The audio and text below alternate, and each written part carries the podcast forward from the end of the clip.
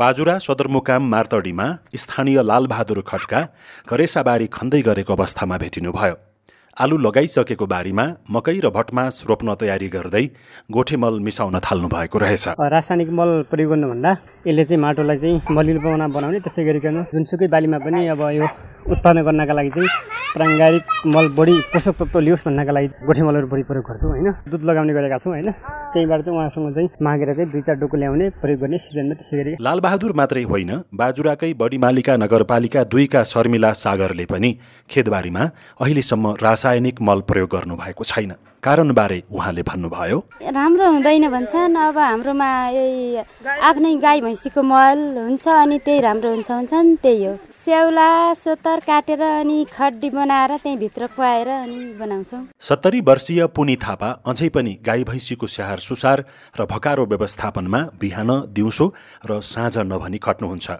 यो मेहनतको प्रतिफल करिब दुई रोपनी क्षेत्रफलको खेतबारीका लागि पर्याप्त गोठेमल उत्पादन भइरहेको छ। यो भैँसीको गाईको बल्दको पोर्सो हजुर मल। धानमा कोदामा यो रोपनीमा यो बारी सुगारीमा हामी यही मल हाल्छौँ हजुर। धान फल्छ हजुर कोदा फल्छ गहुँ फल्छ।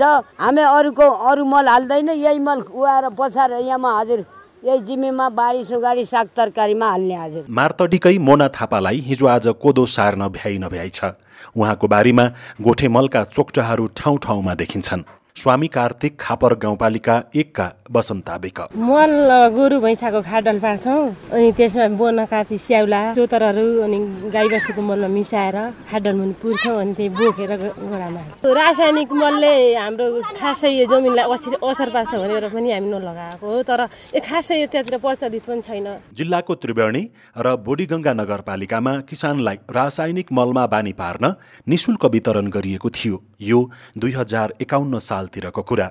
यति गर्दा पनि किसानहरू यसतर्फ आकर्षित भएनन् र उनीहरू कम्पोस्ट मल गोठे मलको प्रयोगमा लागे। कृषि ज्ञान केन्द्र बाजुराका सूचना अधिकारी मिन प्रसाद जैसी। घामबाट जोगिनुपर्छ तपाईँको मल हावाबाट जोगिनुपर्छ र ठुलो जुन भल पानी हो होइन बर्खाको त्यो पानीबाट जोगिनुपर्छ। कमजोर आर्थिक अवस्था र पर्याप्त आपूर्ति नहुँदा जम्मा नौ मध्ये जिल्लाका छ स्थानीय तहका नागरिक गोठे मलमा निर्भर छन्। स्थानीय उत्पादनको महत्व बढ्दै जाँदा ती स्थानीय तहलाई अर्ग्यानिक घोषणा गर्न सकिने भए पनि यसबारेमा अहिलेसम्म कुनै छलफल भएको छैन। फेरि कृषि ज्ञान केन्द्रका सूचना अधिकारी मिन प्रसाद जैसी। छवटा खप्तर छेडेदा गौमूल र माथिका चारवटै सकिन्छ। हिमाली जगन्नाथ स्वामी कार्तिक र बुढीनन्दा नगरपालिका। त्यहाँ त्यसै पनि कम प्रयोग भएको छ। मान्छेमा त्यो चाहिन्छ भन्ने पनि छैन। अर्ग्यानिक एरियाकै रूपमा कायम राख्न सक्छौँ। यो तिनवटा सकिँदैन। बाजुरामा त्रिवेणी र बुढीगङ्गा नगरपालिकाका किसानले रासायनिक मलको प्रयोग गर्दै आएका छन्।